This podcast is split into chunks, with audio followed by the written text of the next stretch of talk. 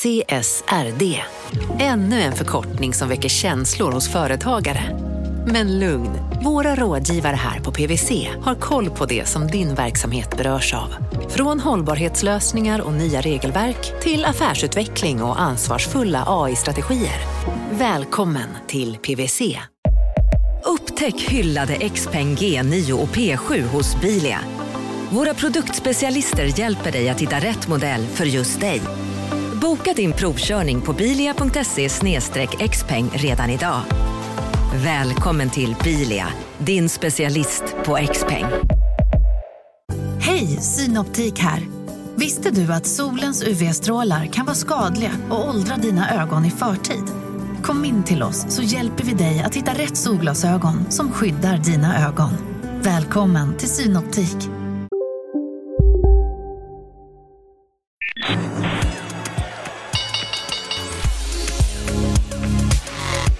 Här är Marknaden med Helene Rothstein. Hej och hjärtligt välkommen till podden Marknaden. Ett program där du hör en längre intervju på måndagar och ett nästan liveinspelat veckomagasin på fredagar. Idag ska vi prata om Aselio, vi ska prata om Adidas och Kanye West och att Twitter får en ny ägare i form av Elon Musk. Let that sink in. Jag heter Helene Rothstein och med mig i studion idag har jag investeraren och hedgefondprofilen Carl Mikael Syding. Välkommen! Tackar! Och sen så har jag Nina Amjadi, VD för design och reklambyrån Familjen. Välkommen hit! Tack! Och senare så kommer också en som heter Kevin Stenmark och han är vadå? Han leder en Discord där eh, vi pratar om Aselio och han är väl kanske den mest kunniga i Sverige skulle jag säga utanför företaget när det gäller just allting som försiggår inom Aselio. Ja, och sen så får vi också en överraskningsgäst som kommer in här. Jag hoppas jag att vi får i alla fall. Hörni, vi börjar med att Tesla-grundaren och entreprenören Elon Musk tar över Twitter. Det här är ju en visionär person, men också en ganska omtvistad person. Carl Mikael Syding, du är ju lite känd för att inte hylla Elon Musk, men vad kan vara bra med att han kliver in på Twitter här? Om det blir som han just nu säger att han ska göra, att eh, han ska se till att det blir en bastion för det fria ordet, då, eh, då är det jättebra. För att det har, det har varit problem med censur på Twitter. Det har varit väldigt lätt för folk att bli avstängda för precis ingenting. Det är någon slags automatisk censur och som sen är, är svår att komma ur för att, för att Twitterbottarna som, alltså som Twitter har själva, alltså spindlarna, eh, de, eh, de övertolkar vissa ord och förstår inte sammanhang. Så kan man, kan man bli av med automatcensur som är felaktigt, då är, då är det en jättebra utveckling. Vad säger du Nina? Ja, alltså jag tycker alltid det är obehagligt när en sån extremt liksom, dominant och inflytelserik person tar över en sån här plattform som ska vara för folket. Eh, och jag tror att det kan vara, eh, man vet ju aldrig med honom heller. Eh, vi pratade om det lite innan att det kan vara Eh, det kan sägas väldigt mycket, det kan hända något helt annat. Eh, men det, det, jag känner lite obehag och lite hopp samtidigt på något märkligt sätt. Obehag, vad säger du om det? Ja, det finns väldigt mycket att säga om det, så jag ska nog ändå fortsätta lite grann på det positiva spåret en, ja. en stund till. Ja. Och det är att eh, Twitter har haft problem med lönsamhet. Ehm, det har i och för sig Elon Musk också haft hela sitt liv. Ända till precis, precis på slutet här i, i Tesla då han har lyckats sälja den här fake self-driving programvaran. Eh, visserligen uppe i rätten med den nu eh, för att den inte funkar. Men det har gjort att han har ju visat att han kan verkligen sälja vad som helst. Och då är det med 100% marginal på den där. Och nu när du befinner dig i en virtuell värld med en, en liksom social media-plattform, att det borde vara precis, precis vad han, hans kompetens funkar för. Så eh, skär ned kostnaderna, strunta i kvaliteten och eh, sälj konserverad gröt. Så att jag tror faktiskt att han kan få upp lönsamheten ordentligt på Twitter, åtminstone ett tag. Men att det också kommer leda till en eh, extrem försämring av kvaliteten i Twitter. Alltså man har ju pratat ganska mycket om annonseringen på Twitter och sådär. Vad, mm. Du som eh, liksom är rådgivare inom varumärkesstrategier och sådär. Mm. Vad säger du om att annonsera på Twitter som plattform? Men det är en jättebra plattform eh, att annonsera på och eh, jag tror att både Twitter och som vi också sett nu med Meta som det går katastrofalt för just nu. eh, så är TikTok en av de största plattformarna som tar över eh, med en väldigt aggressivt tempo. Eh, så att nu vänder sig fler och fler mot TikTok för att mängden liksom reach du kan få med så få medel är, är oslagbart just nu. Och där tror jag att Twitter måste också lägga i en extra växel. Va, vad ska de komma med nu eh, när TikTok är liksom så, så eh, superior egentligen till de andra? Jag tror också att det är precis sådana saker som Musk är bra på. Han fattar faktiskt social media. Han mm. är jätteduktig på det och han vet också TikTok och han kan nog hitta ytterligare någon liksom, twist i det där. Mm. Och bara det att han själv är en sån intressant figur, att han kan, han kan verkligen driva intresset till hela Twitter. Han, men som det är nu, han har 100 miljoner följare och det är väl bara ungefär 200 miljoner aktiva användare på Twitter. Jag tänker också, han själv har ju varit en kontroversiell person. Ibland har han ju stundtal också betett sig på sätt som påminner om nättroll. Eh, eller varit, eh, liksom sagt att eh, de här dykarna till exempel, som eh, du var inne på innan vi satte oss här, eh, Syding, att när eh, det var en dykare som skulle rädda pojkar i en grotta så kallade han dem för pedofil och sådär. Ja, precis. Och det var ju för att Elon själv fick ingen uppmärksamhet. Han påstod att han skulle utveckla en, snabbt en, en, en liten uh, ubåt som skulle ta sig igenom den här grottan på ett sätt som visar sig det är liksom fysiskt helt omöjligt att ta sig igenom med den. Så det var liksom bara ren lögn. Men, men när han då fick bakslag på det här och Eh, Eh, den här dykaren sa, men alltså, det, det där går ju inte, liksom, liksom, sluta med det där. Då blev ju Elon så irriterad att han, han sa, men han är säkert pedofil ändå. Eh, han, men, men sen försökte han backa och säga att men pedoguy, eh, vi brukade kalla creepy old men för det i, i Sydafrika när jag var liten. Och sen eh, har det i sig blivit ett, ett meme att så fort han säger dumma saker så är det som, jaha, men vad betyder det i Sydafrika när du var liten då?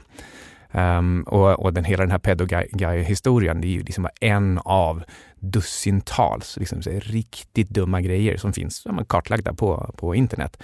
Så ehm, jag tror man ska verkligen aldrig ta det Elon säger för, för sanning eller att det är det som är planen.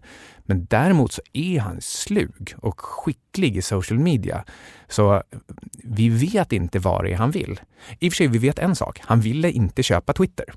Nej, just det. Han ville dra sig ur det där köpet. Ja. Mm. Precis. Och det förstår jag verkligen, för när han la budet, då stod kursen i 39 dollar.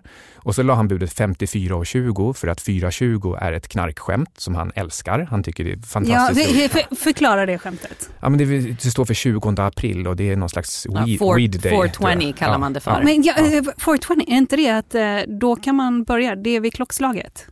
Nej, ja, då man, men i vilket fall som helst, det är ett eh, marijuana-skämt som han har, liksom, han drar det liksom varenda dag. Allting ska liksom alltid dras ner till just 4,20. Ja. Eh, så han lägger budet på 54,20 för att det är liksom ett knarkskämt. Mm. Eh, det är då upp från 39 dollar. Den dagen, eh, jag tror det här var ja, cirka 27 mars, mm. Eh, då stod till exempel Facebook i 225 dollar eh, och idag i 98 så egentligen så ska ju Twitter stå i ungefär 17 eh, om, om inte han hade lagt budet. Så det, liksom, för det första har han betalat alldeles för mycket eh, och för det andra så tjatar han om att det, är, att det är fullt med massa bottar som han påstår sig inte veta om, fast det är han som äger de flesta bottarna på Twitter. Eh, så det, så det finns ju hur många vinklingar som helst här fram och tillbaka. Ehm, men jag tror på riktigt att han helst inte ville köpa Twitter, för det var nog bara en, en rökridå för att kunna få sälja Tesla medan kursen fortfarande stod högt. Men tror du också att det var liksom som ett exempel, alltså ett test att se så här, vad händer om jag gör så här? Eller visste han visste sina liksom, konsekvenser? Ja, jag tror han trodde att han skulle kunna komma ur det. Ja. Jag tror att han på riktigt kunde ändå leda i någon slags bevisning att det är så pass mycket bottar att eh, han borde kunna använda det som någon slags material mm. alltså, i breach. Men varför avsa han sig rättigheterna till due diligence från början då? Alltså, ja, han kanske ville köpa det då, men mm. kom på att det blev ju ändå alldeles för dyrt. Alltså 54 när marknaden för just den här typen av bolag kraschar. Det, det var väl kanske lite dumt. För det jag tänkte på också så här, eh, vi har en person som ibland liksom har bristande omdöme, en väldigt visionär och en eh, liksom entreprenöriell person, men ibland eh, bevis liksom på ett omdöme som kan brista. Eh, vad gör det med en person som tar över eh, en social medieplattform när man kanske inte all, omdömet kanske inte alltid är det som är liksom närmast till hands. Vad säger du Nina? Nej men precis, det är, det, det är den typen av värld vi lever i idag. Att du kan vara en, en visionär, en innovatör, en, eh, liksom en, en superperson på många sätt som Elon Musk är. Eh, som har liksom, realistiska tankar och idéer om att bo eh, i, liksom, på en annan planet. Eh, men att han då sen får ett sånt otroligt följe och inflytande på liksom ner på en 13-åring eller en 12-åring. Jag tror att det, det är där vi är liksom igen, eh, känner oss liksom maktlösa nästan i. Vad innebär det här när han säger sånt här, när han kallar dykare för pedos eller när han eh, leker med ett köp eh, av Twitter och så vidare. Eh, det, det är liksom någonting vi inte riktigt har kommit, kommit till. Mm. Ja, vi har ju sett det i Italien. Det här är ju Berlusconi. Alltså Trump, Berlusconi och, och Elon Musk, det är liksom som samma person. Och lyckas du kontrollera media, eh, det är det du är inne på, då kontrollerar du mycket mer än du gör egentligen som president. För du kan alltid se till att bli president efteråt, men om, om du äger media. Ja, för det, men det finns ju också liksom exempel på väldigt många rika personer som har gett sig in i mediebranschen. Alltså vi har ju Rupert Murdoch till exempel och sen så har vi ju Jeff Bezos som köpte Washington Post till exempel. Eh, och eh, det handlar om makt, eller vad säger du Sidi? Ja, en del tror ju till och med att Trump blev president bara för att kunna skapa ett medieimperium. Ja. Vad va, va är det med medieimperium som är så... Eh, Då kan du kontrollera folks sinnen. Du, ja. du, folk går på propaganda faktiskt. Folk tror på det de läser. Folk tror på det vi säger nu i den här podden. Vi blir påverkade av någonting som framstår som någon som, som står högre upp i hierarkin. Eh, och det, vi, det, gör man per automatik om man har en, en, eh, media, en mediaplattform. Mm. mm. Ja, men jag, jag, håller, jag instämmer verkligen. Det är liksom som att de blir den högsta formen av eh, content creator kan man säga. Mm. Och eh, han har sagt att han ska sparka flera chefer. Det diskuteras om han själv ska kliva på vd-posten. Vad, har ni någon åsikt om det? till att börja med, det är ju inte bra för Tesla. Alltså ska han vara VD för ännu ett jättestort företag som är dessutom är i stor omdaning. De flesta skulle tycka att det är inte ens möjligt för en person att ta hand om Twitters omdaning. Och då ska han försöka eh, styra Tesla mitt i alltihop, just när konkurrensen tilltal för Tesla. Mm. Ja, alltså riktigt kastbeslut om han tar vd-posten på Twitter tror jag också. Man kanske gör det som en show, vem vet? Ja, men det är ganska intressant. Han har sagt själv att fågeln har befriats. Eh, har du någon kommentar om det? Nej, nej för, för att eh, han är rätt svårtolkad och det här kan ju betyda vad som helst. Men han, jag tror att han tänker att här kommer jag och jag kommer rädda Twitter och det här kommer bli bättre än någonsin. Alla ska komma, alla ska få den här freedom of speech-plattformen till att flyga. Eh, sen vet man ju inte vad det betyder egentligen. Jag tror att det kommer bli värre än DI. Alltså det kommer liksom bli en, som en riktig skräpblaska. Nej, det är inte här att för, för att kunna försvara sig själva. Men vad, vad, vad menar du skräpblaska? Det kan man väl inte säga att de är hela tiden, eller? Um, du menar att det är en stor annon, annon, annonsplattform ja, ja, men, där man köper sig in allt? Ja, men exakt. Ja. Det, är, det är en massa annonser och sen eh, texterna är, om, om bolag och så där, det är högst varierande kvalitet. Alltså det, är, liksom, det är inte så att det är dåliga analytiker eller dåliga journalister. Nej. Utan det är liksom hela själva det uppstyrda formatet som säger att vi måste jaga klicks. De har också blivit en del av det här klicksamhället samhället. Mm. Och, det, och det som gör att, att det blir skräp, det är inte, som sagt, det är inte de anställdas fel. Och det här tror jag är exakt vad som kommer hända med Twitter. Det kommer bli massor med skräpreklam och man kommer inte se vad som är reklam och vad som är redaktionellt eller vad som är vanliga personer. Eller bottar för den delen, för det, det tror jag definitivt inte att bottarna kommer försvinna. Marknaden sponsras av SPP, pensionsbolaget. Eh, förra gången pratade vi lite om ITP. Och som en kort repetition så, så var det ju 70-tal, arbetsmarknadens parter bestämde att alla tjänstemän ska ha en tjänstepension. Man kom överens om vilka villkor som ska gälla i den här pensionen och så kallade man den för ITP. Så jobbar man idag som tjänsteman i ett företag med kollektivavtal, då har man förmodligen den här pensionen, ITP-pensionen. Eh, och det är ju så att man kan påverka eh, den här pensionen, hur den är placerad. Vart femte år så gör nämligen Collectum, som de heter, en enorm upphandling där olika pensionsbolag kan ansöka om att få förvalta eh, de här pensionerna. Och SPP är ett av bolagen som valdes ut i den senaste upphandlingen. Och sen kan du som pensionssparare välja eh, vilket av de här olika pensionsbolagen som, som då ska få ta hand om dina pengar. Och tanken med den här upphandlingen är ju att liksom kvalitetssäkra de här olika alternativen, eh, men också att förhandla fram stora rabatter så att pensionsspararna ska få ja, kunna spara pengar genom att avgifterna som är så viktiga blir lägre. Och vill man välja någonting i ITP-systemet då finns det en relativt ny sajt som heter avtalat.se. Ehm, där kan man gå in och se hur sin ITP-pension är placerad. Jag gjorde det häromdagen faktiskt. Ehm, idén är att hälften av pengarna alltid ligger i något som kallas för traditionell försäkring. Det här gjorde vi ett avsnitt om i podden Kapitalet nyligen eh, som vi kallade världens bästa sparform. kan man lyssna på om man är intresserad. Eh, den andra halvan eh, den kan man också lägga i en traditionell försäkring eller så kan man placera det i något som kallas för fondförsäkring. Eh, SPP som sagt eh, var ju ett av de fåtal bolagen som valdes ut i den senaste upphandlingen och de finns med som alternativ både med en traditionell försäkring och med eh, fonder. Så det var en liten bakgrund till ITP-systemet. Vill man läsa mer om det här eller typ kolla hur ITP-pensionen är placerad, eh, kanske göra förändringar, då går man in på avtalat.se. Eh, men tack säger jag till SPP som vill göra oss människor mer medvetna om hur enormt viktig pensionen är för oss som en framtida lön, men också som en positiv kraft i samhället eh, och förstås för att ni möjliggör eh, den här podden Marknaden. Du lyssnar på Marknaden med Helene Rothstein. Hörni, vi byter ämne för att det tyska sportmärket Adidas, eller som jag sa när jag bodde i Skåne, Adidas, de har avslutat samarbetet med artisten och designern Kanye West. Och detta har de gjort efter att han har uttryckt sig antisemitiskt. Och eh, det här är inte första gången han har uttryckt kontroversiella åsikter. Ändå så väljer Adidas att bryta med honom nu. Vad säger du om det här beslutet Nina? Ja, jag har ju följt Jay då som han har bytt namn till och han eh, med lite humor måste jag ändå säga la upp för någon dag sedan att Jay cut ties with Kanye West.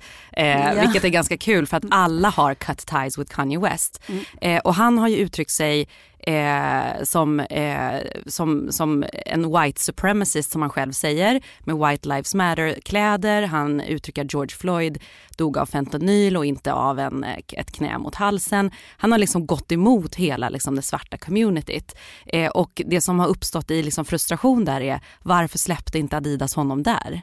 Men när han uttrycker sig antisemitiskt. Och det, det liksom eh, föder på den här konstiga konspirationsteorin som han själv också försöker eh, driva. Så att det är liksom, en, det är liksom ett kluster av märkliga eh, communities nu som står på olika läger. När vi pratade om den här punkten att vi skulle ha med det här i programmet så pratade jag med producent Jesper Hagenborn och eh, jag har typ tvingat in dig i studion här idag. Välkommen Jesper! Tack snälla! Eh, och det har jag gjort för att jag fattar att du är som jag säger hiphoppare. Ja, jag skulle mer kalla mig för hiphop-farbror nu för tiden kanske, men absolut. Ja.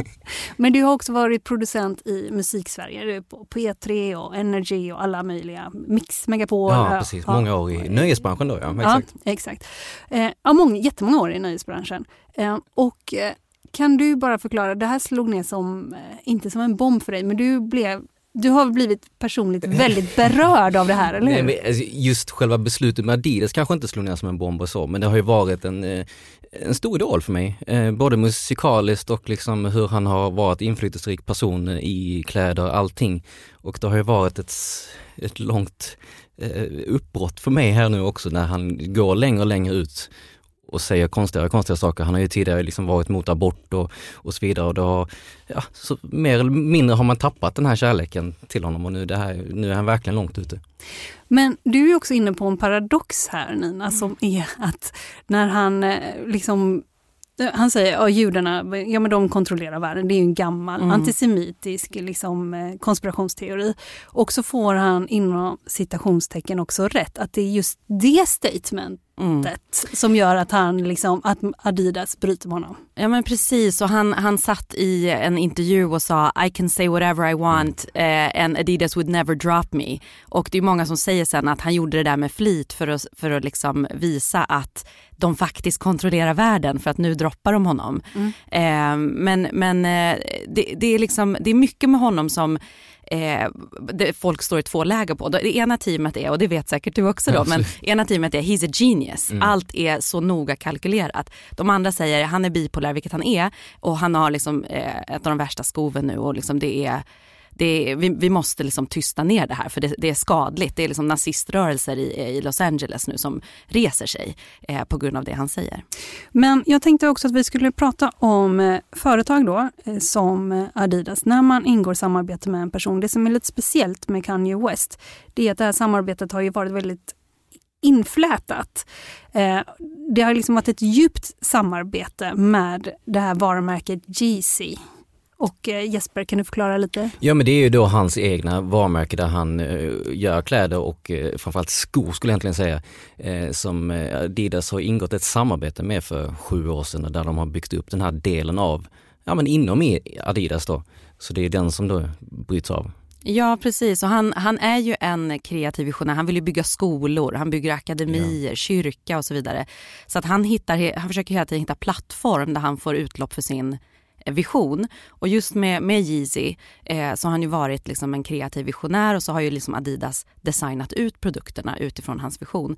Eh, så att nu liksom stänga ner det där, det är en väldigt stor del av av Adidas eh, intäkt. Eh, och framförallt liksom kulturellt är ju det också en, eh, som du också var inne på där, Kanye West har ju varit väldigt inflytelserik på på, eh, alltså på Vogue-nivå, Balenciaga och så vidare, inte bara Adidas. Nej och de här skorna, alltså man står ju liksom i kö för att få köpa dem. Mm. Alltså det är liksom en, en lottodragning där det släpps en sko och sen så säger jag, jag vill köpa de här för 3000 kronor, men sen måste jag ändå stå och vänta och se om jag faktiskt får köpa dem för 3000 kronor, vilket är helt galet. Och sen resale-värdet ja. och den marknaden som också blivit otroligt stor. Har du några sådana här skor, eh, Mikael?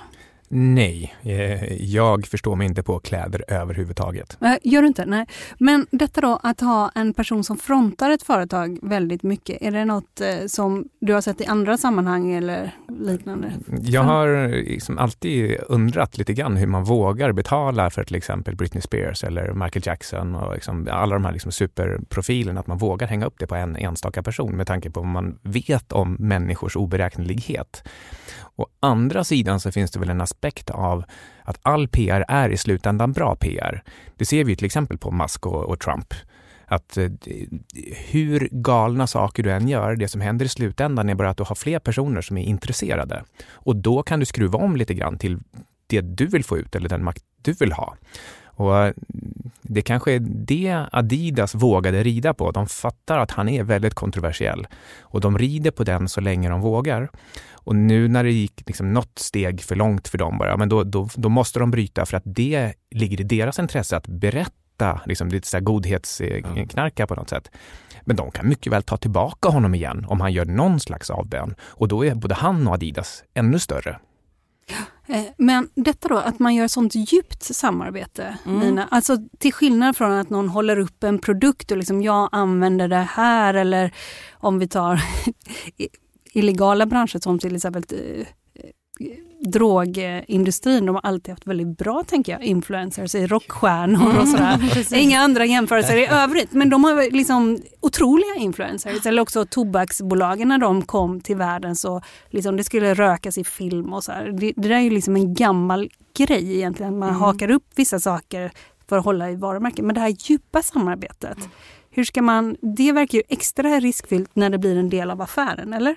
Ja, alltså det är extra riskfyllt och extra eh, liksom positivt om det går bra. Ja, ja. Och det, det, Adidas gjorde med Kanye West, är det, eller med Jay då, eh, är det som modehus ofta gör. Där man tar in liksom en extern creative director som jobbar inne i och liksom för, förverkligar en vision som den personen har. Eh, tidigare har man då jobbat med, liksom, om du, ja, du sa Britney Spears eller som eh, Stadium där med Zlatan eller Bauhaus tar Peter Stormare, liksom, en, att det är någon som lite spokesperson. Men nu är han liksom inne och faktiskt nästan affärsutvecklar. Och det är ju någonting helt annat.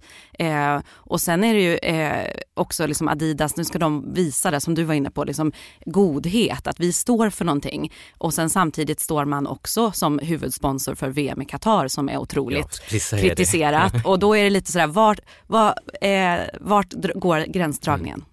Vad Jesper, vad kommer konsumenterna säga nu? Vad är deras respons? Vi har också en andrahandsmarknad på skor till Absolut, exempel. och det fanns ju ett, en mening där i, i pressmeddelandet från Adidas där de säger att de faktiskt äger eh, rättigheterna till designsen och liksom färgkombinationerna och allt sånt. Både de som har varit och de som faktiskt kan komma. Så att eh, det spekuleras ju om Adidas kommer att bara ta bort det här Yeezy-märket och släppa exakt likadana skor fast helt under Adidas. Och i så här sneakersgrupper på Facebook och sånt som jag är med i så tas det inte emot väl. Alltså det är ingen som kommer köpa dem. Det är inte samma sak. Även om Adidas ska försöka eh, sälja dem och tjäna pengar på dem. Är man för alltid brännmärkt när man kommer med sådana här åsikter? Alltså det går ju det, det, går väldigt fort tycker jag ändå. Eh, någon beter sig eh, liksom exakt hur de vill och gör något riktigt märkligt och så är det tyst ett tag och så glömmer folk och så kommer man tillbaka och så ber man om ursäkt. Det har man ju också sett med Kanye West, han har haft några sådana där mönster. Eh, så jag tror inte man är det. Ja, och jag tror ju också lite som du sa att han, han faktiskt till och med säger att jag kan säga det här, de kommer inte släppa ja. mig. För det har varit en bråkig tid också i ett halvår här där han har liksom sagt att han vill ut ur den här dealen. Så att mm. kan ju faktiskt finnas någonting i att han gör det här med vilja och sen nu kommer ge all kärlek åt folket och försöka bli godkänd igen. Men det som jag tänkt på, om vi tar en helt annan industri, eller inte helt annan, men om vi tar så här sminkindustrin och så, då tycker jag att man ser ju också om vi tar Bianca Ingrosso och hela den kulturen, Kaja Cosmetics, att man ser också att eh, företag växer ur, eh, liksom kommer med en enskild person. Att det där är liksom också något vi kommer få se mer av. Det, har du någon take på det Mikael eller ska jag ta Nina? Bättre att ta Nina på det. Ja, mm, ja, men, eh, ja jag tror att vi kommer se mer av det. Ja, eh, det. Det poppar faktiskt upp fler och fler företag som är gjorda för att serva kändisar som vill starta ett varumärke utifrån sig själva. Så att det liksom poppar ju upp mer och mer affärsutveckling kring det där också. Och sen är ju ett väldigt bra exempel Ida Warg. eh, hon eh, har ju ett eh, Ida Warg Beauty eh, och var på eh, den här ökända då Katrin Zytomierskas eh, och Bingo. Och Bingos eh, Pimps and Hoes fest. Precis och eh, blev ganska cancelled efter den där festen. Jo, och, och, det beror ju på att hon själv också har ett intresse i traf eller att hon Precis. driver frågor som rör trafficking. Ja. Precis, men då går ju sen Ida Warg Beauty ut och säger vi tar avstånd från Ida Warg och det blir, mm. det blir så märkligt ja. då när liksom hela varumärket är kvinnan i fråga. Sen är ju inte hon VD på Ida Warg Beauty eh, så det måste man kunna urskilja liksom det operationella men det är väldigt känsligt det där när man är så tätt sammanflätad. Men det var ju faktiskt samma dag hon var på liksom en konferens ja. Eh, där det handlade om att prata om mot trafficking och så vidare och sen la hon ut den och det är så viktigt det här arbetet och sen på kvällen ja men då klär hon ut sig till prostituerad och går på en Pimps and Hoes-fest. Ja. Men, du, men du Mikael, du tycker också att det här är, om man ser till aktieägarvärde, så är det här väldigt riskabelt helt enkelt för aktie, ur ett aktieägarperspektiv? Ja, alltså det, åtminstone i det korta perspektivet, men egentligen så försökte jag säga att eh, Eh, Eh, ju mer liksom, oväsen och uppmärksamhet man liksom röner omkring sig, desto, bättre är det, åtminstone för konsumentprodukter.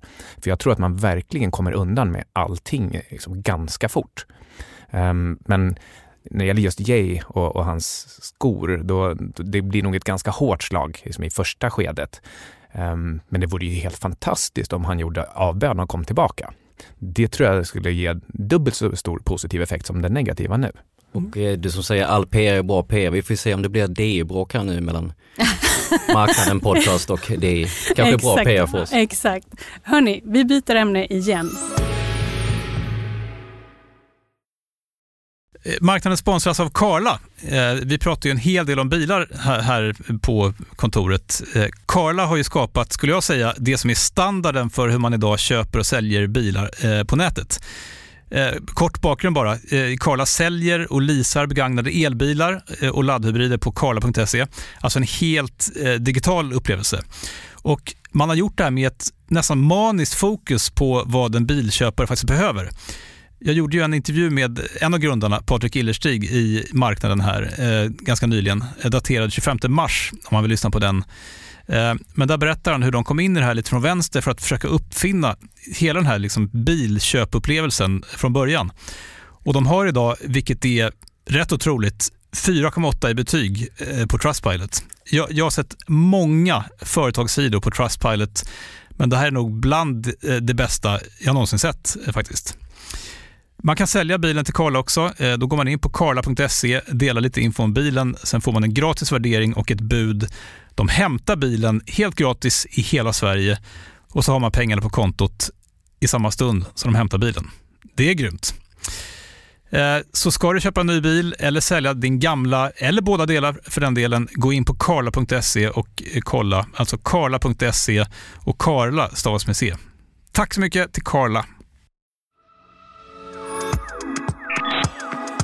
Du lyssnar på Marknaden med Helene Rothstein.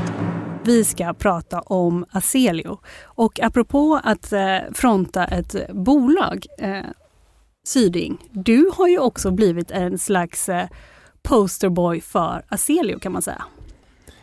Ja, lite grann kanske. Alltså jag har ju andra investeringar också, men jag blev intresserad av liksom hela det här projektet, av att kunna lagra solenergi på ett, på ett robust och, och effektivt sätt. Eh, och så tyckte jag också att, att bolaget var liksom väldigt attraktivt prissatt där för liksom, om några år sedan när det handlade till 7 kronor, 7 kronor aktien. Sen har det liksom på vägen hänt massa saker. Först så blåste den här kursen upp 1000 procent eh, till 75 kronor och sen har den fallit ner till en krona. Eh, och det är klart att under den där perioden, då brukar de flesta eh, försöka krypa undan och, och liksom in, inte längre förknippas med en sån här historia. Men, men jag har ju hängt i för att jag tror fortfarande att det är en väldigt bra produkt, men som har haft ehm, eh, men otur, dels otur med tajmingen med eh, corona och med kriget i Ukraina och komponentbrist, eh, liksom Kinas politik. Ehm, eh, men också ehm, dessutom som de många startups gör, man blåser på för mycket med de pengarna man får tag i. Eh, och, och, totalt sett så har det här då gjort att man, man fick den här liksom extrema resan gånger 10 och sen liksom minus 98 procent.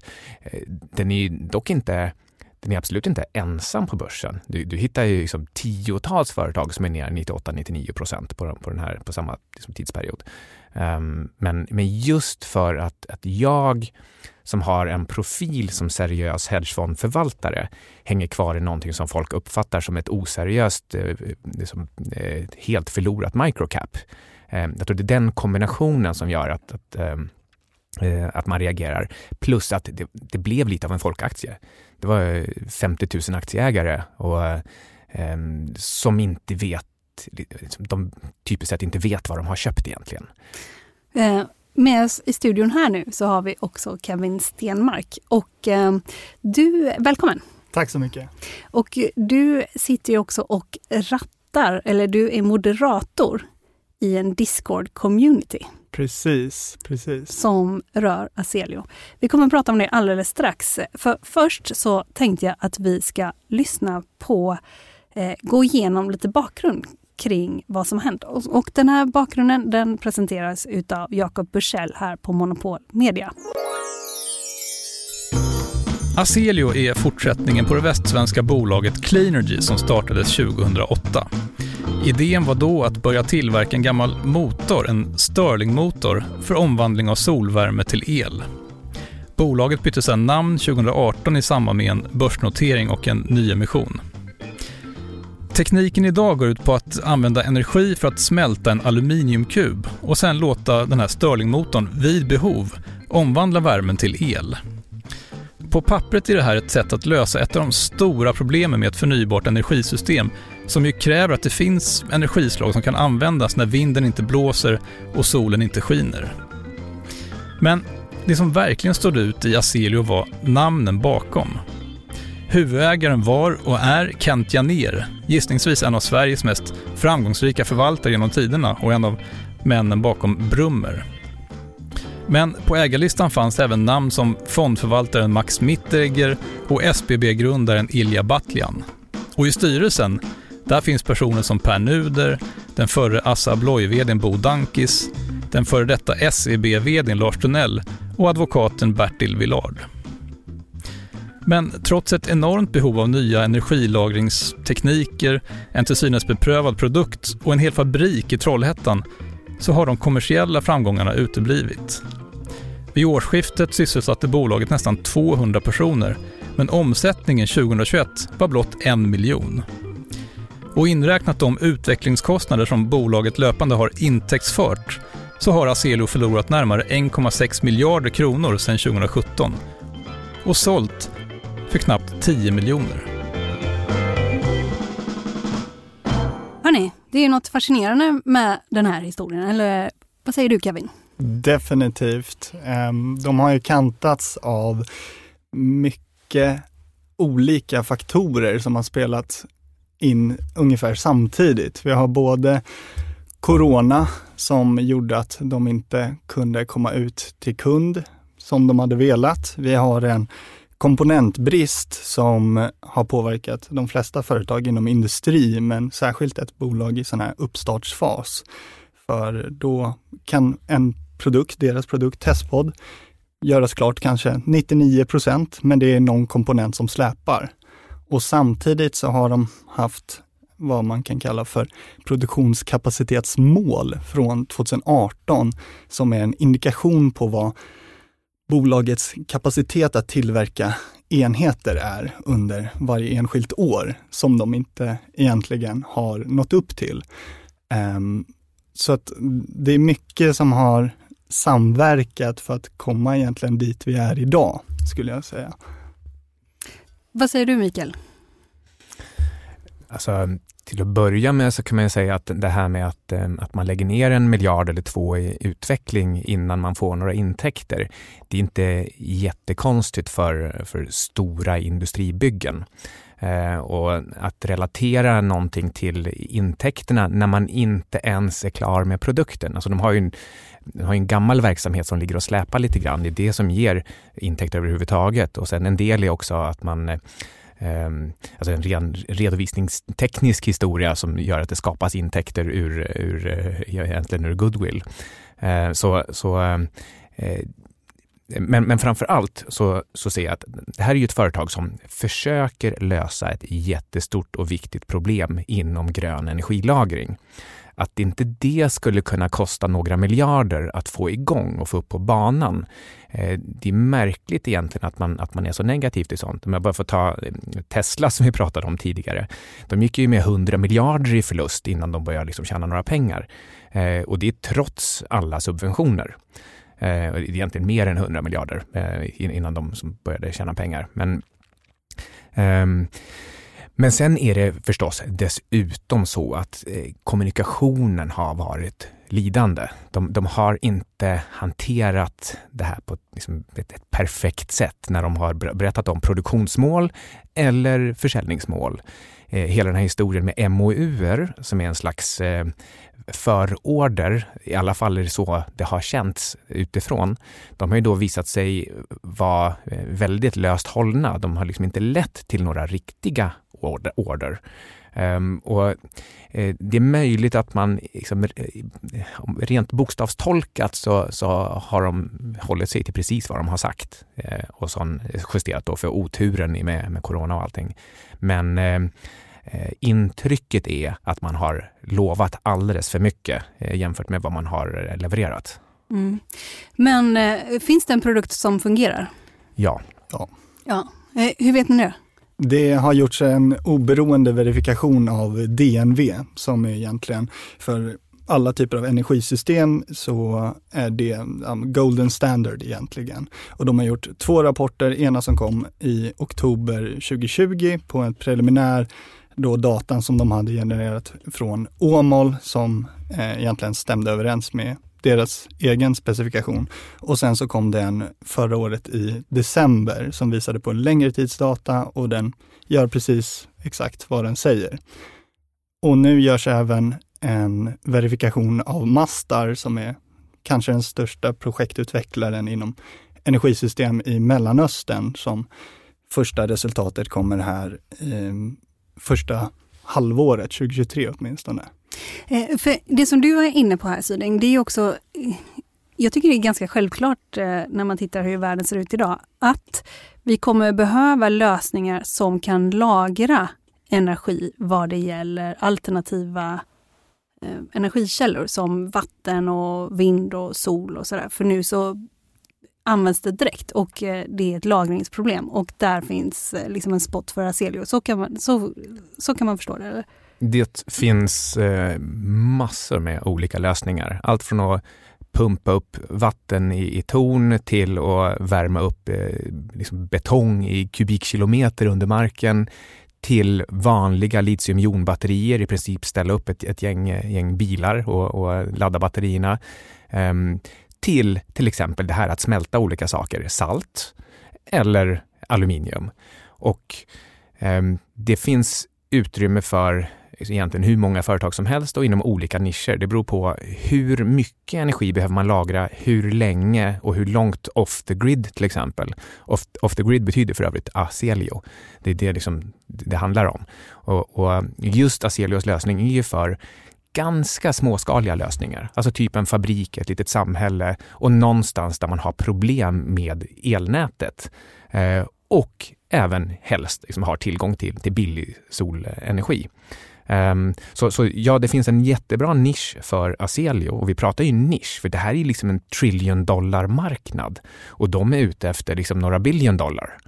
Um, men men eh, ja, vi, vi, har ju fortfarande ett, ett frågetecken och det är varför lyckas man inte sälja Exakt. någonting? Eh, exakt, när behovet finns. Och när man också pratar om, om många säger vi behöver verkligen akut med kärnkraft nu. Och man kan ju säga en sak med liksom grön energi det är att det går snabbt att sätta på plats jämförelsevis. Och när det här behovet finns, varför, liksom kom, varför ser man inte en försäljning som heter duga? Liksom? Mm. Jag tror det handlar väldigt mycket om hur energisystem har setts eh, regulatoriskt. Det är inte bara så att eh, någon kommer och säger ja men det här ser väldigt bra ut på pappret, vi kör, vi finansierar det här.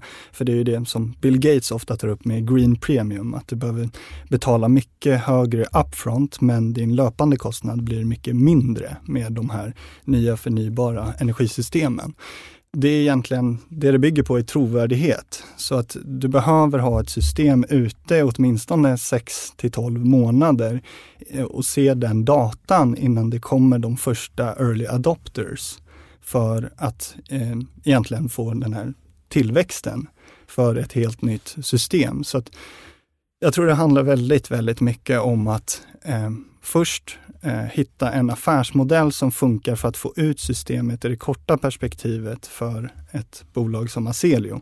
Som de nu eh, egentligen har lyckats hitta, att själva vara med och medfinansiera de första mindre projekten på 8 eller 40 poddar för att sen sälja elen. Poddar till... är liksom, hur ska man förklara Precis, att de ser ut? Nästan som containrar. Det, det, är som en kub ja, egentligen, ja. En, en, stor kub. Mm.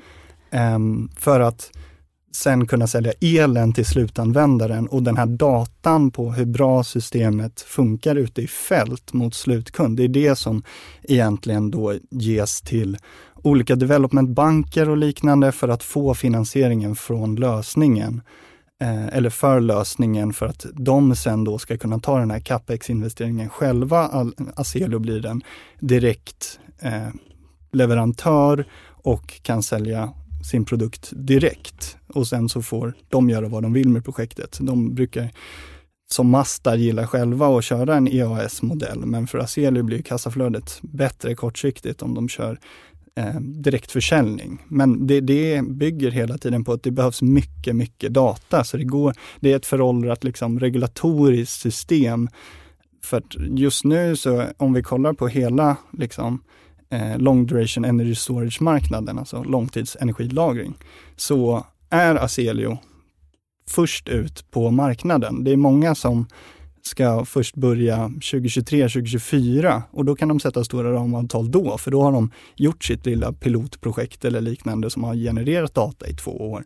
Men för att Aselio nu idag ska göra det, för de är redo idag att leverera sitt system.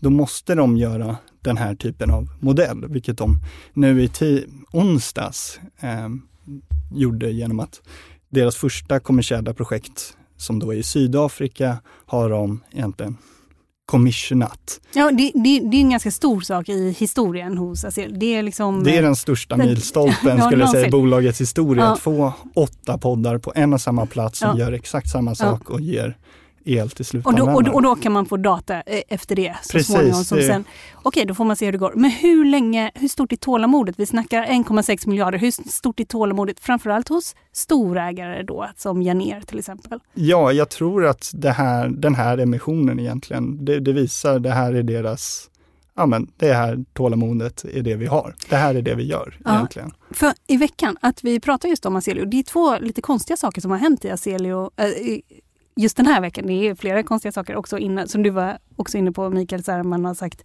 vi, vi, vi kommer att, vi har fått en order men kommer man sälja någonting? Det har ju också eh, uppfattats som konstigt. Men det har varit en nyemission och eh, det har varit en kursrusning på 100% Den har inte kopplat till nyemissionen. Man vet inte varför aktien rusar så, eller? Nej men precis, den kom lite helt plötsligt.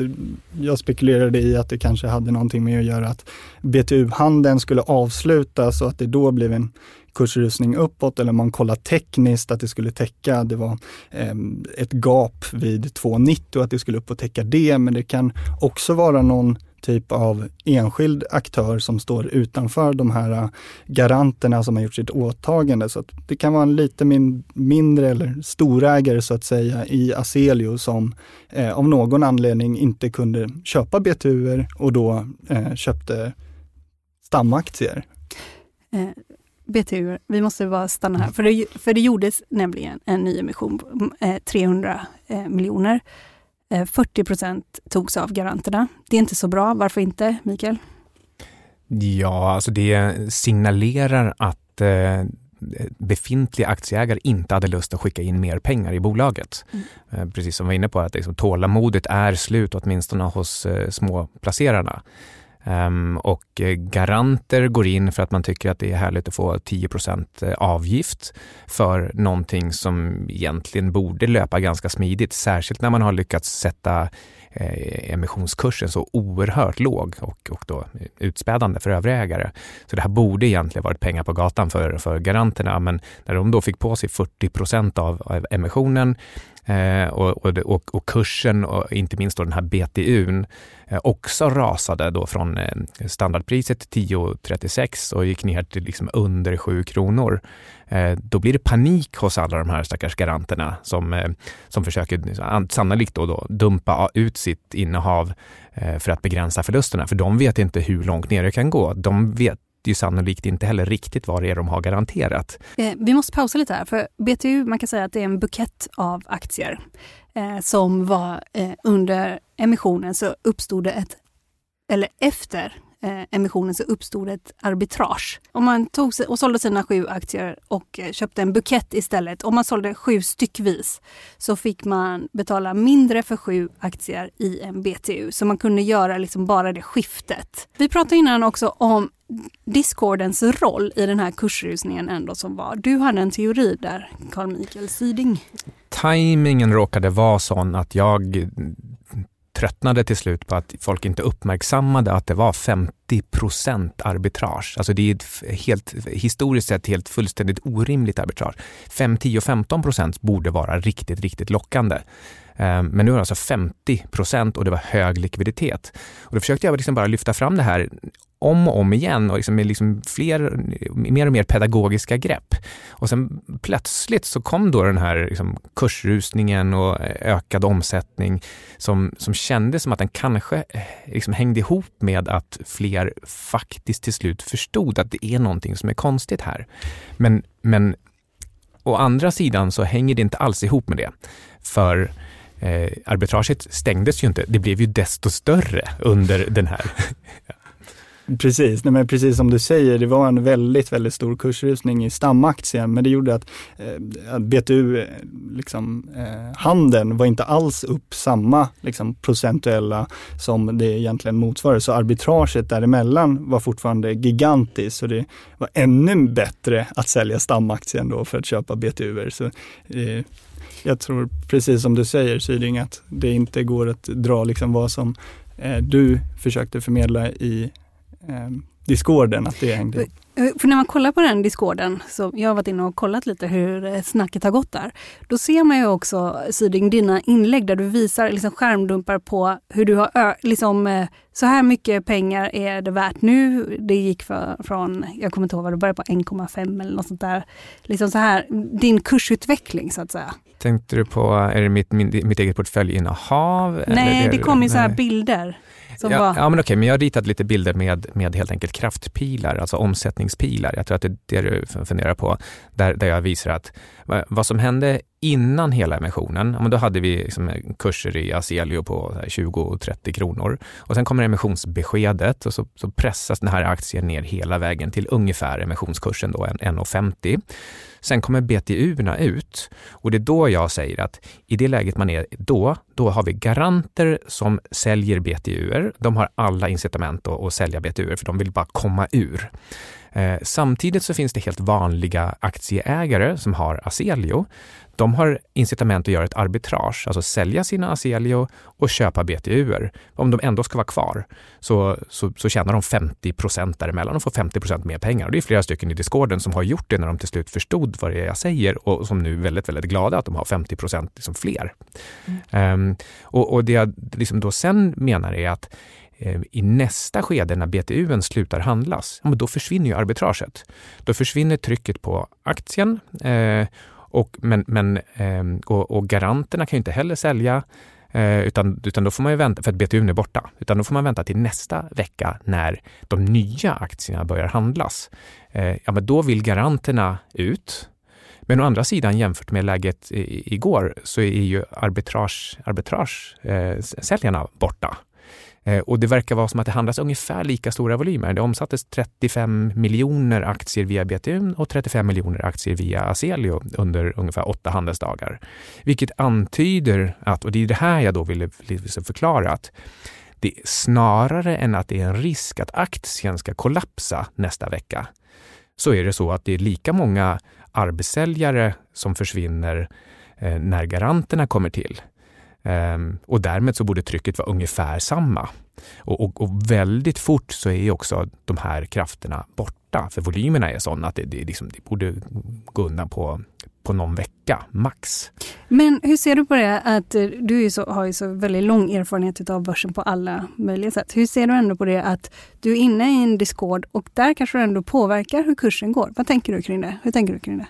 Jag är hela tiden väldigt, väldigt tydlig med vad mina premisser är. Jag förklarar med siffror att om du tänker så här, då har du en siffra här och sen har du en siffra här och då blir det en sån här siffra i slutändan.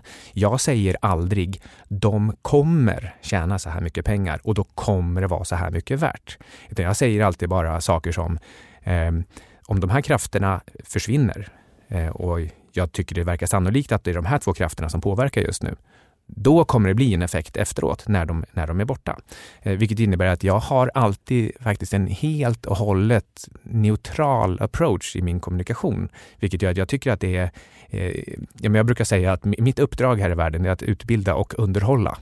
Eh, och det upprätthåller jag i alla sammanhang, oavsett om det är på kontoret eller i en podcast eller i discorden. Eh, jag tror att alla som går in och läser mina saker kan alltid se att det finns ingenting i det här som är liksom någon slags propaganda eller påverkan. Eh, hur är det att moderera då? Du sitter ju ändå som moderator Kevin och eh, du får in alla möjliga saker eh, hela tiden. Hur är det att moderera en sån här Discord skulle du säga? Ja, alltså jag har försökt kolla på de andra största mm, som driver en aktiediscord och se vad de gör bra och vad de gör mindre bra. Och jag tycker det här äh, att försöka påverka kursen eller användare eller ägare i ett bolag, det är någonting som jag har helt velat få bort äh, och mm, har kört väldigt, väldigt hårt med inga jubel, inga liksom, eh, ja ah, men det ska gå upp till så här mycket, utan verkligen försökt sakligt diskutera bolaget och alltid lägga in en disclaimer att inget är en rekommendation. Eh, men såg också ett inlägg där du sa så nu har jag tagit bort alla kurspåverkande kommentarer såg man till exempel. Ja, ja. Precis. Vad, vad, är det då du har tagit bort? Nej men eh, jubel eller att så här, jag gillar mycket att hålla strukturen så att det inte blir High Chaparral i discorden att alla skriver saker överallt. Så att de får hålla sig till en kanal som heter eh, Kurskanalen som moderatorn glömde om de vill sitta och lägga spammeddelande eller liknande. Men alla förstår att det här är den minst seriösa men den är ändå så pass reglerad att ingen kan säga att ja, men det här ska gå upp så här mycket, det är ett köpläge nu. Det, det finns ingenting sånt där. Och vad tycker du, om du kan ge exempel på lite sämre discorder, vilka är det då?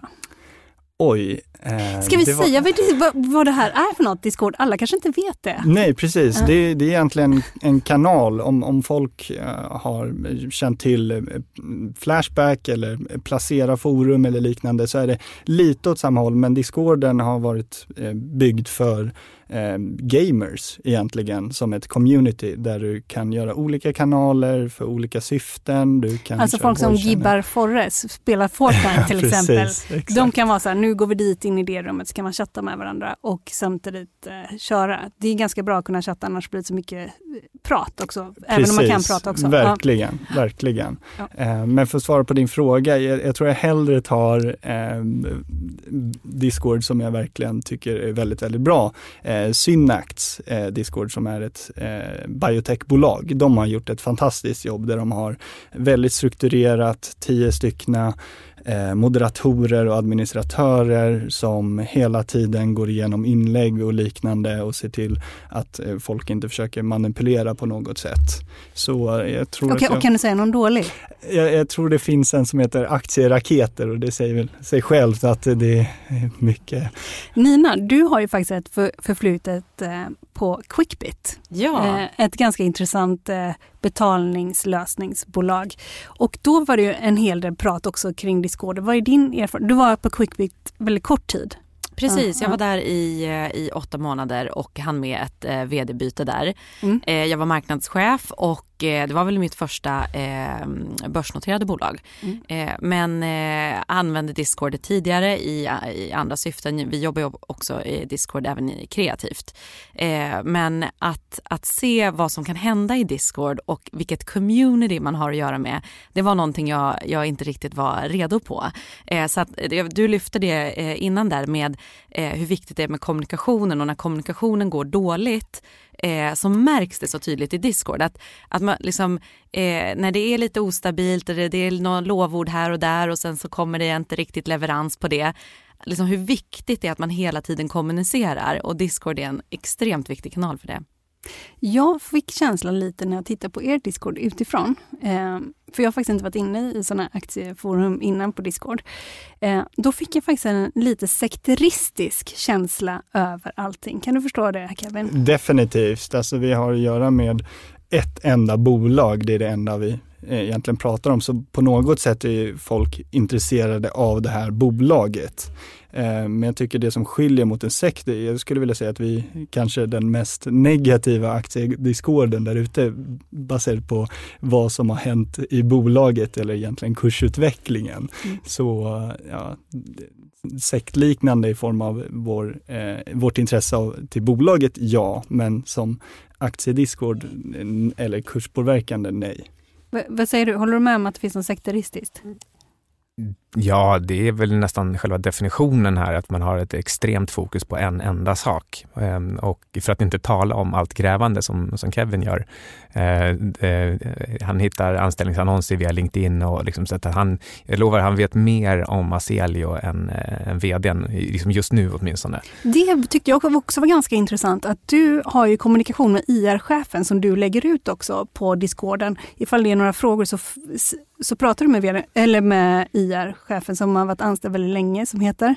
Eh, Jan Svensson. Ja. Eh, tidigare var han vice president på eh, Sterling Motor-sidan och nu har han gått över till eh, Director of Investment Relations. Ja. Eh, och där kan man följa liksom några frågor och sådär. Men, men detta bara att man pratar aktier, det här är liksom en gammal sak som har varit ända, alltså hur långt tillbaka som helst. Men i slutna forum, vad, alltså Nina vad säger du om det? Ja men jag vill också bara kommentera på det här med sekt.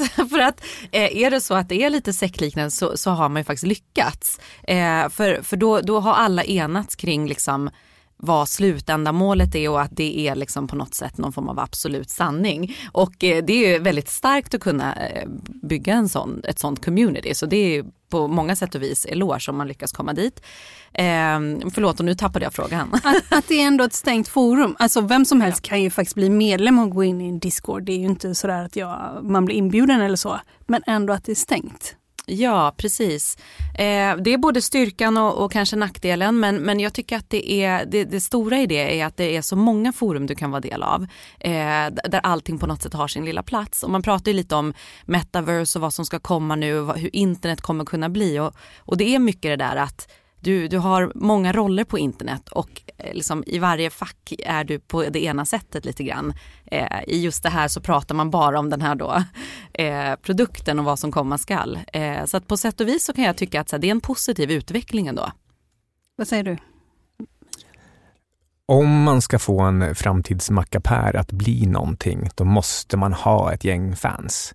Nu är det förstås inte Discorden i Aselio som ser till att eh, den här termosen blir av, men eh, eh, för att orka hänga kvar i en startup, en pre-revenue startup, och det tar liksom 3,14 gånger så lång tid som någon hade hoppats på, det, det, kräver liksom den här typen av sektmedlemskap för att man ska orka. Mm, intressant. Ja, alltså jag tror att det är väldigt viktigt för att utmana sig själv också. Jag tycker att vi har fått eh, väldigt, väldigt bra diskussion där folk lyfter olika tankar. Vi har en hel tråd med all skepticism mot bolaget, tänkbara eh, konkurrenter och liknande. Så att, eh, jag tycker verkligen vi har fått till någonting där alla känner att de kan lyfta ja, men vad som helst som rör bolaget, deras osäkerheter, det, vad de tror ska komma eller om det inte inträffar, vad är värdet av bolaget då? Ja men här till exempel, det finns en, den heter Aselio skepticism och sen så off topic, konkurrenter, tekniskt råd, memes. Det har du gjort i olika Det har jag gjort det, precis. Ja. Lite efter vad folk, för det är ju verkligen ett community så det, det styrs ju av alla medlemmar egentligen. Ehm, och eh, det är de som har inverkan på om det är någonting som ska ta, tas bort också eller om det är någonting som ska läggas till. Hela fokus är ju också just på att förstå företaget, förstå branschen, försöka hitta sanningen och räkna ut vad den kan innebära för, för bolaget, för världen, för aktien. Ehm, till skillnad från en del forum där det handlar om att liksom, klappa varandra om ryggen och hylla en för att man har liksom, gjort en så bra investering och eh, hur fantast, ännu mer fantastiskt den kommer bli. Och om det finns något sätt liksom, att pusha den här kursen till ytterligare nya fans. Så Eh, det är det Kevin tror jag menar med att det här är kanske ett av de mest negativa sekterna för att den går faktiskt ut på att hela tiden försöka förstå vad Aselio är och vad det är värt på riktigt om man har en objektiv syn. Mm. Um, det rapportfloran vi har det är, jag byter nästa ämne, eller vi rundar av. Och det är så att eh, vi har befunnit oss, vad ska vi säga, är det två tredjedelar kanske som vi har betat av av rapportfloran? Vad säger du Siri? Ja, är, det, är det mindre? Vi, vi är exakt Stora? mitt i stormens öga nu. Det är, mm igår, torsdag, tror jag var den största dagen i eh, USA eller möjligen också i Sverige för den här omgången. Ja. Vad håller du koll på här framöver? Jag eh, tittar på inte minst de stora techbolagen, eller de kallas ju för techbolag, det är ju annonsföretag. Eh, och nu så verkar det på Snapchat och Meta och Alphabet och liksom i princip allihop som att eh, de säljer inga annonser, vilket innebär att det vi har framför oss det är en recession. För, för kunderna vill ju uppenbarligen inte satsa på, på, liksom, på kostnaderna för att få ut produkterna. Så jag ser att eh, marknaden har kollat åt, eh, åt vänster i den här lilla uppstudsen och hoppas på en pivot kanske från Xi Jinping eller en pivot från, från Powell eller en pivot bara i marknaden av någon anledning. Men de glömde kolla åt höger för där kommer ett recessionståg och kör över dem. Eh, och det tror jag att det jag måste hålla utkik efter om jag har rätt idé eller inte. För skulle det visa sig att jag har fel idé, då, måste, då är det jag som måste göra en pivot. Mm. Eh, Nina, vad håller du koll på? Det...